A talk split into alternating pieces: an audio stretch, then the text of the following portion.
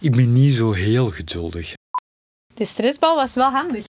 Kunnen we dat schrappen? Zo vader, zo dochter.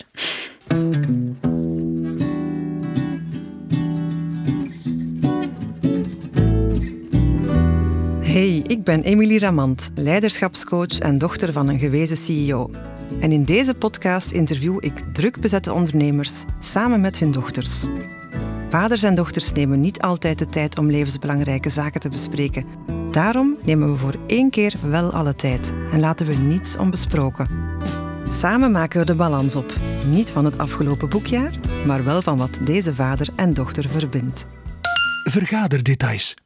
Vandaag zijn de genodigden Nathalie en Steven Gesquière.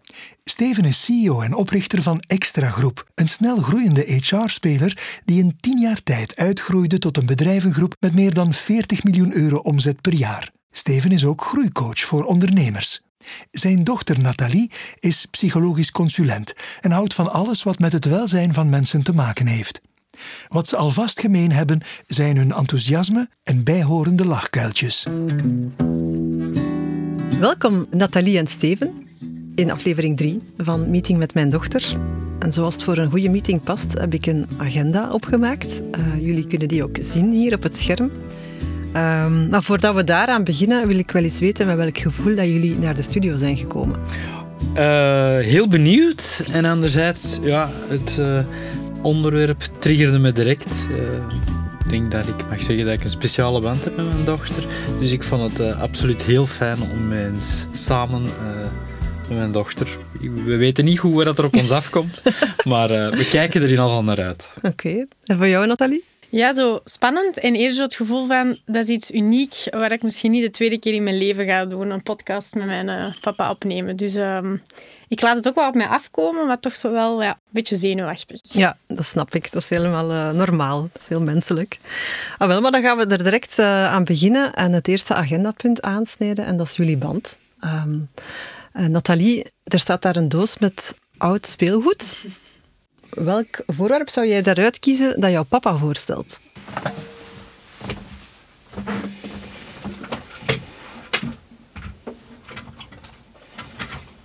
Dat is al direct een moeilijke vraag. Ja. Je moet daar niet te lang over nadenken. Meestal toont het voorwerp zich. Aan het verhaal erachter. Misschien even omschrijven wat dat je... Oh, want de luisteraar kan het natuurlijk niet zien, maar wat, wat heb je genomen en, en waarom uh, is dat een goede voorstelling van wie jouw papa is? Um, het is een soort uh, zeester.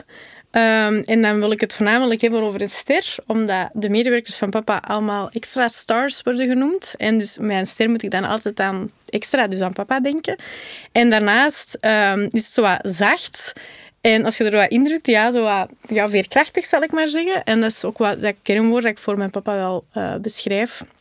Um, soms denken mensen van, oh, Steven, grote CEO, dus ik moet daar bang van hebben. Maar hij heeft een klein hartje. En, en als ik de medewerker altijd hoor, altijd lief en altijd uh, beschikbaar.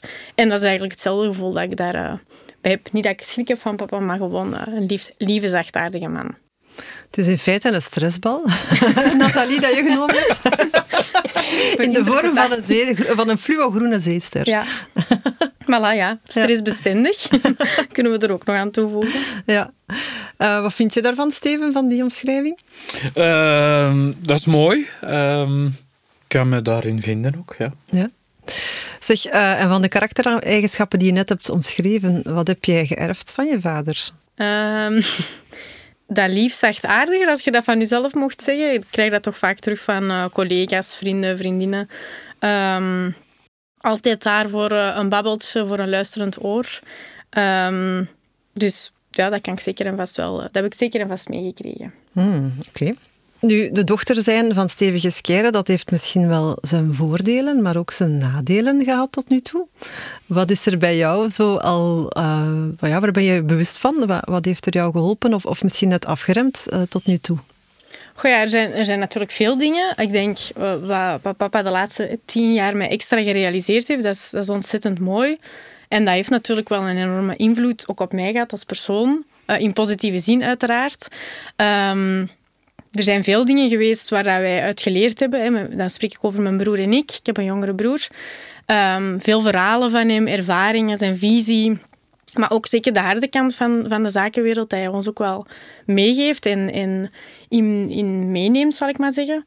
Ehm, ik denk, ja, nadelen, als we het dan zo uitspreken. Um, ja, niet onbekend, denk ik, voor anderen die dat in een ondernemersgezin opgroeien, is soms uh, de tijd dat papa er niet altijd was of, of wat afwezig was. Um, ik had er zelf altijd een hekel aan om op, op woensdagavond thuis te komen in een leeg huis, omdat papa er niet was. En hij hield daar zeker rekening mee. Maar ik denk dat ik toch wel vaak een kwade telefoon heb gedaan van papa, nu ben je er niet, uh, nu bent je niet, we komen thuis. Maar langs de andere kant, op de belangrijke momenten dat je er moest zijn, was hij er ook wel. Ik denk altijd zo de oudercontacten, mijn dans- en turnoptredens. Um, mijn proclamatie, dat zijn momenten dat hij zeker niet gemist heeft. Dus ik denk dat ik daar achteraf gezien niet te veel uh, over mag klagen. Niet te veel schade berokkend. Ja. uh, wat doet dat met jou, Steven, om dat te horen? Uh, die woensdagavonden, dat ze boos belden. En, ja, ja als je erop er terugblikt, ja. zeg je van, ik zou het anders gedaan hebben. Hè? Um, maar misschien in de realiteit, als het zich terug zou voordoen, zou het toch misschien niet anders verlopen hebben. Maar hmm. uh, ja, het is niet fijnste om te horen dat je er op die momenten toch niet genoeg was. Hè? Want een, een warme thuis, uh, als zij dan uh, naar mij kwamen, ja, dat wil je wel geven. Hè? Dus dat is niet het fijnste om dat te horen. Maar het is dura lex et lex zeker. Hè? Ja. Ik hoorde wel eens van, je kan niet alles tegelijkertijd hebben in het leven. Je kan, ja, soms moet je keuzes maken en, en komen, komen dan uiteindelijk wel goed, maar misschien op andere momenten. Hè. Het is fijn dat we dan ook vanochtend tijd hebben voor elkaar. Hè? Ja. um, ja, en, en wat dat soms wel leuk is, is dat vaders en dochters tradities of rituelen kunnen hebben die ze met elkaar delen. Hebben jullie zo een ritueel? Een terugkerend patroon, iets dat jullie samenbrengt? Ja, we zien elkaar. Ik, ik woon niet meer thuis momenteel. Um, maar we zien elkaar nog wel veel. We horen elkaar wel veel. Ik denk dat dat dan altijd wel iets met... Um, we zijn alle twee Bourgondiërs. Um, dus met, met iets lekker om te eten. Als, papa, als we dan met papa komen eten, dan is het altijd... Wat wilt je graag eten? Dus ik denk dat dat wel zoiets is waar dat we beide heel hard van genieten. En dan voornamelijk op dat moment praten over, uh, over heel veel dingen. Maar nu echt een ritueel ik uh, zie ook niet direct echt een, uh, nee. een ritueel. Nee, nee, maar wel heel veel spontane contacten, moet ik jullie ja. zeggen. Ja. ja. Goed, dat brengt ons bij het onderwerp legacy. Uh, en ik richt mij even tot jou, Steven. Er is zo'n gezegde, het leven wordt voorwaarts geleefd en achterwaarts begrepen. Als jij straks vanuit jouw hemelbed, zo noem ik dat even, terugkijkt op jouw leven, hoe heb jij dan het verschil gemaakt? Um, ja, dat is altijd zo'n heel zware. Hè? Mm -hmm. uh, het verschil gemaakt. Uh, positivisme, wat er ook op mijn pad komt. Uh, ik denk direct in, in oplossingen, in opportuniteiten. als ondernemer heb je altijd wel, wel zaken die op je pad gebeuren die je niet voorzien hebt. Maar eigenlijk bijna instantmatig denken aan, aan hoe gaan we dat oplossen. En ook in omgang met mensen. ik heb bijna een automatische reflex om te kijken naar wat, wat maakt mensen sterk, wat maakt mensen mooi. En niet waar zijn ze dan mogelijk wat zwakker in. Hmm. Um, ik denk dat dat naast ja, het creëren of het uh, grootbrengen van twee fantastische wezens, denk ik dat dat een van de belangrijkste verwezenlijkingen is. Ja. Oké, okay, dus wat, jij, wat jij het verschil hebt gemaakt dan, is eigenlijk een positieve kijk op levens en op de wereld. Ja, ik heb er mijn missie van gemaakt, ook van mijn mensen waar ik mee samenwerk. Zowel medewerkers van, van de groep, uh, waar dat er ondertussen ja, een kleine honderd zijn geworden. Dus je kan daar niet meer allemaal zo'n intens contact mee hebben.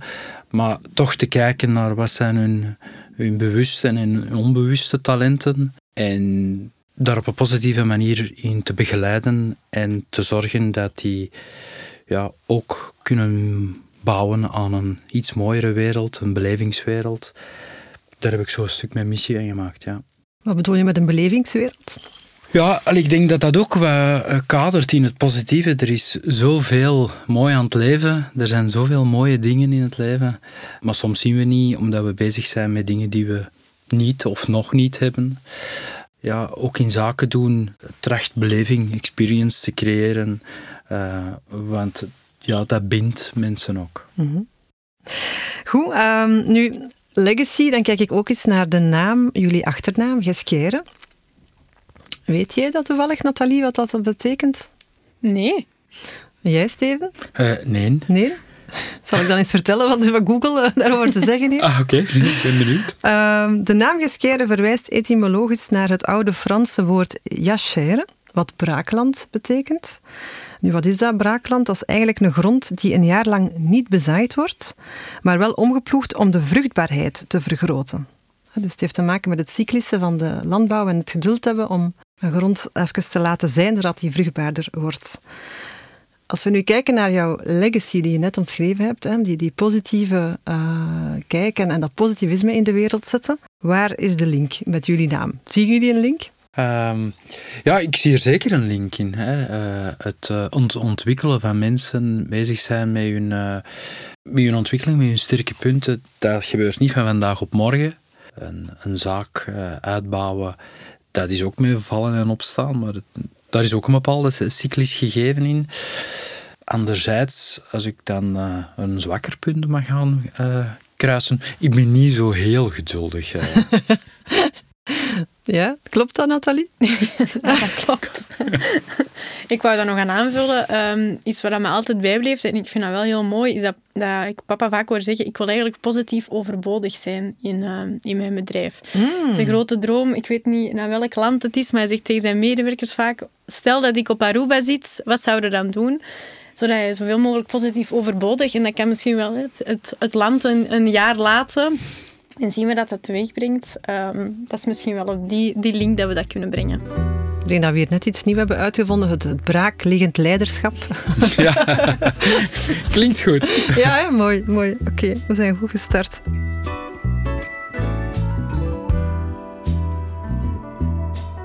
Dat brengt ons bij het onderwerp levenswijsheid. Um, Nathalie, helemaal los van jouw vader. Welke levenswijsheid heb jij voor jezelf al ontdekt? Um, ja, heel cliché, um, maar dat leven gewoon te kort is om daar niet de volle 100% uh, eh, van te kunnen genieten.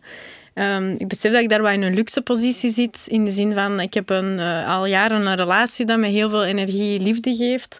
Een job dat ik graag doe, uh, een hechte vriendengroep, een warm gezin. Um, maar het is toch ook iets bewust waar ik heel veel voor kies, omdat ik daar wel heel veel tijd, energie net bewust insteek. Um, ik ben sinds jonge leeftijd ook al een harde werker, uh, zowel school als, als gewoon mijn, mijn, eigen centjes verdienen. Um, dus ik ga ook maar al te graag eens op vakantie of op tripjes, um, om eigenlijk gewoon de volle 100% te kunnen genieten. En dat genieten, de volle 100%, is dat een levenswijsheid die, die ook bij jouw vader zit, of is dat eerder iets van jou? Uh, nee, nee, zeker. zeker. Um, dus, ik zei het net al, dat Bourgondische... Hè, ja, um, dat heb ik horen vallen, ja. Um, papa is zeker en vast ook een levensgenieter. Ik denk dat hem dat gewoon naar de toekomst toe ook nog, nog wat meer mag doen. Hè. heeft hard genoeg gewerkt uh, afgelopen jaren. Hij heeft dit heel mooi neergezet. Dus ik denk naar de toekomst toe nog meer te genieten. en af en toe misschien ook eens wat meer op vakantie te gaan en uh, die, die tochten op te gaan. voilà. Ja, dat laatste is zeker een spiegel. Ik zie dat uh, mijn dochter en ook mijn zoon daar uh, al veel meer mee bezig zijn om... Uh, ik kan genieten van, van s morgens te sporten en, en, en, en te zwemmen om dan te gaan werken. Maar echt de zin hard maken en echt positief overbodig zijn en, en helemaal lossen en reg meer regelmatiger op vakantie gaan, mm -hmm. dat zou ik gewoon moeten doen. Ja. Mm, maar als we moeten zeggen, dan weet je ook als coach dat dat, dat, nee, eigenlijk... Klopt. Moeten is, uh, kunnen, we dat, kunnen we dat schrappen? we willen doen. We zullen er willen doen van maken. Ja. Oké, okay, um, ja, dan uh, misschien een keer uit een andere hoek over levenswijsheden. Steven, welke levenswijsheid vind jij absolute bullshit? Misschien heb je er eens een meegekregen van iemand, van je eigen vader of moeder, waar je het niet mee eens bent. Uh, waar ik zeker niet mee eens ben, is... Um, de boodschap vertrouwen is goed, controle is beter. laat me daar zeggen dat ik gestart ben als, destijds als, als manager, waar dat ik wel heel veel bezig was met KPI's en controle. en dat ik daar nu niet meer in geloof. Absoluut niet. Ik geloof absoluut in de kracht van vertrouwen, de kracht van vrijheid. Um, en ik stel vast dat heel veel mensen, als ze dat krijgen, uh, daar ook verantwoordelijkheid voor nemen. En degenen die dat dan niet nemen, uh, ja, dan neem ik er heel graag bij. Dus uh, de levenswijsheid van controle is beter, is in ieder geval niet de mijne. Mm. Goed, nog levenswijsheden die jullie willen delen? Misschien, misschien wel. Ik heb door het traject en ook door wat meer met, met coaching bezig te zijn, gezien wat het betekent om echt te gaan uh, ontdekken wie dat je bent en waar dat je energie geeft en waar dat je geen energie heeft.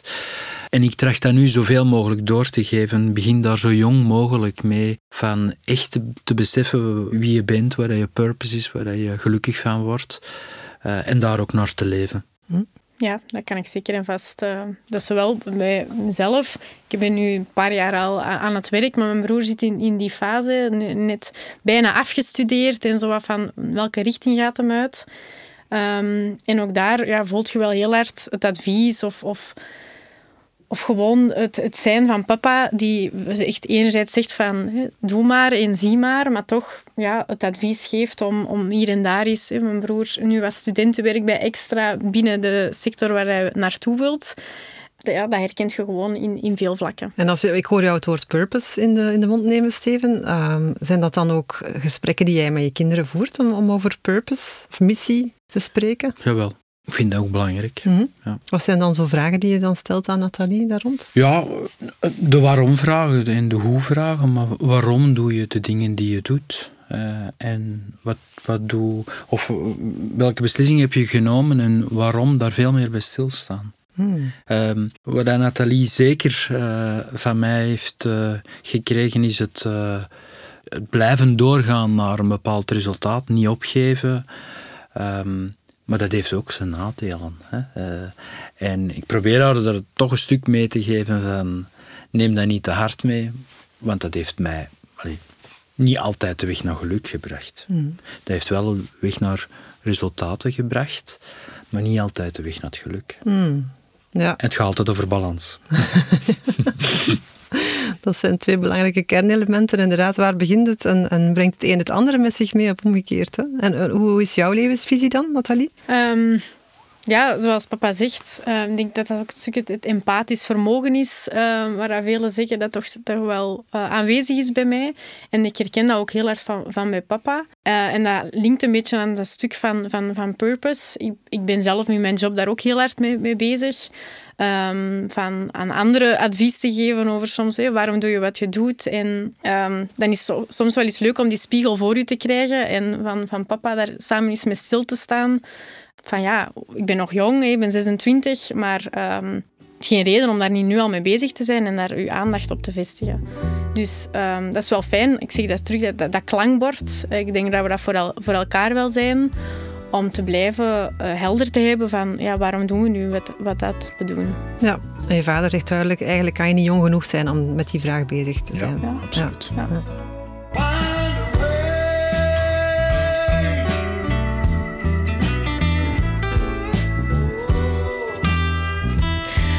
dan gaan we eens over naar het onderwerp kwetsbaarheid.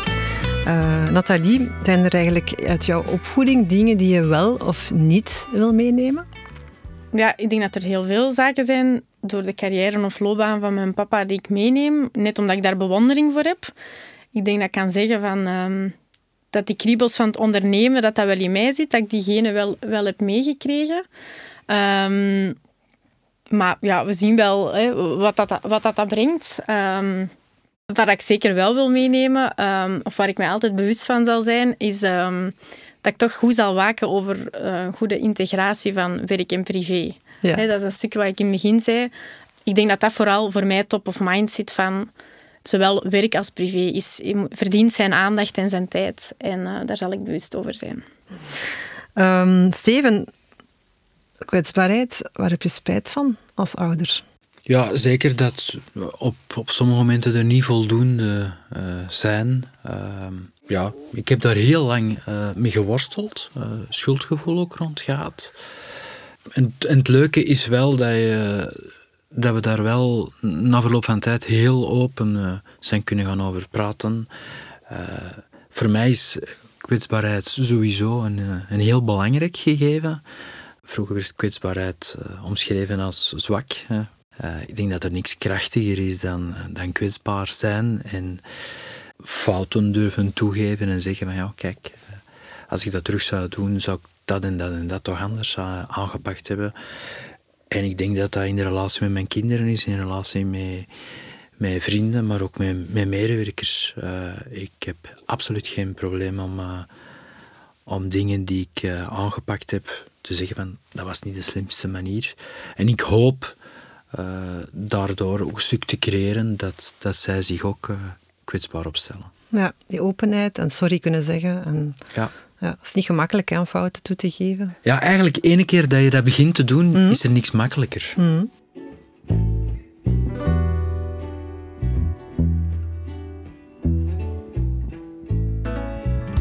Gendergelijkheid is het volgende onderwerp. Um, Nathalie, je gaf al een beetje aan, ik, ga het nog wat verder benoemen. Ik denk, jij werkt welzijnsprogramma's uit voor bedrijven.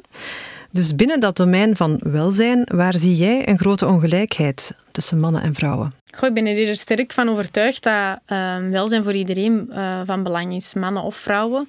Daarom vind ik het net zo mooi, hè, bij The Minds at Work, de organisatie waarvan ik werk, um, dat wij zo'n impact kunnen hebben op een ieder, omdat welzijn ja, net zo belangrijk is. Hè. De, jaren, de laatste jaren is er ook alleen maar meer aandacht voor, net omdat de cijfers van stress en burn-out ja, heel slecht zijn hè, vandaag de dag. Uh, maar de impact dat wij kunnen creëren met, met, zo van wel, met de welzijnsprogramma's dat wij uitrollen bij klanten, Um, ja, die zijn net zo sterk omdat het voor iedereen van belang is. Man, vrouw, leidinggevende of niet. Voor één ieder. Ik denk dat gewoon echt welzijn voor ja, ieder een noodzaak is. En uh, maar merk je dan verschillen? Uh, is welzijn een grotere uitdaging voor vrouwen die misschien wat meer onbetaalde zorg op zich nemen? Al is het niet voor kinderen, dan misschien voor ouderen. Uh, is dat iets dat jij tegenkomt in jouw dagdagelijkse realiteit? Dat, dat zal misschien wel zo zijn, maar niet, niet per se dat ik daar heel hard uh, merk. Ik zou daar eens onderzoek voor uh, moeten induiken. Wat we heel hard merken bij klanten is dat het gewoon echt voor iedereen echt een noodzaak is en, en dat iedereen daar baat bij heeft om daarin te investeren. Um, en niet zozeer van oh, mannen of vrouwen hebben daar meer last van. Ik denk dat dat ook heel persoonsgebonden is. Um, maar dat iedereen er wel baat bij zou hebben om er naar te kijken. Steven, nu, jij hebt zelf uh, een zoon, hè, de, dat is de jongste van de twee duidelijk, en een, en een dochter. Um, als je kijkt dan naar, naar verwachtingen toe, hè, um, en dat kan breed zijn, dat kan professioneel zijn, maar ook uh, in de privésfeer, wat dat je voor hen wenst. Is dat een verschil op tussen uh, het gegeven van, van jouw zoon versus jouw dochter? Ja, daar is een verschil in, maar absoluut niet te maken met geslacht, uh, denk ik. Mhm. Of ben ik zeker van. Het zijn gewoon, en gelukkig, maar ook twee verschillende wezens die, uh, die een heel goede band hebben, maar toch anders zijn. Hè? Waar dat uh, mijn dochter ja, heel goed weet waar dat ze naartoe wil en daar ook heel, heel stevig um, voor gaat en het karakter en de doorzetting heeft om dat te halen. Um, is dat voor Sander uh, iets minder duidelijk. En zal hij misschien harder zeggen dan, uh, dan Nathalie dat uh, de dingen, de opofferingen die jij gemaakt hebt, die zou ik zeker niet maken. Dus ik ga die sowieso op een totaal andere manier benaderen, op een totaal andere verwachtingen eigenlijk wil je vooral dat die, dat die gelukkig zijn. Hè? Mm. Dat Maar dus jou, je zal iets meer geduld moeten opbrengen dan, als ik het zo hoor, uh, naar het pad van jouw zoon toe, dan jouw dochter die al duidelijk op een sneltrein ook uh, wel naar haar doel aan het afstevenen is. Ja. ja. Wat heeft meer te maken met hun karakters, hoor ik je zeggen, dan met hun, hun ja. gender. Ja, ja, absoluut.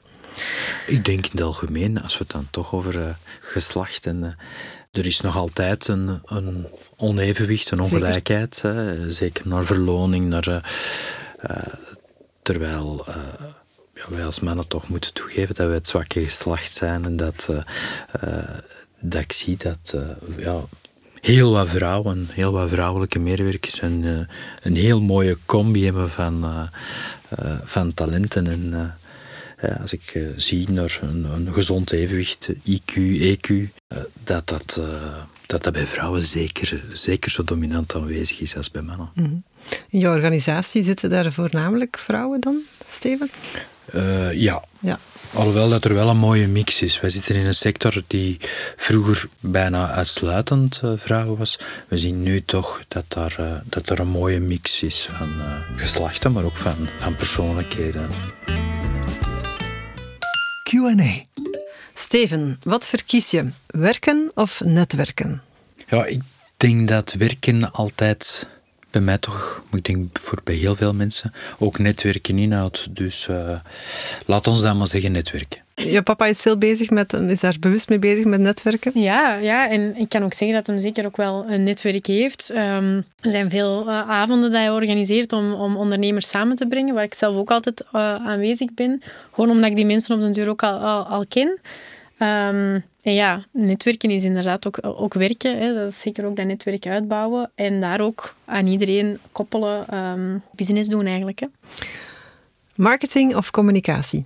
Ja, ik denk dat marketing een vorm van communicatie is. Hè.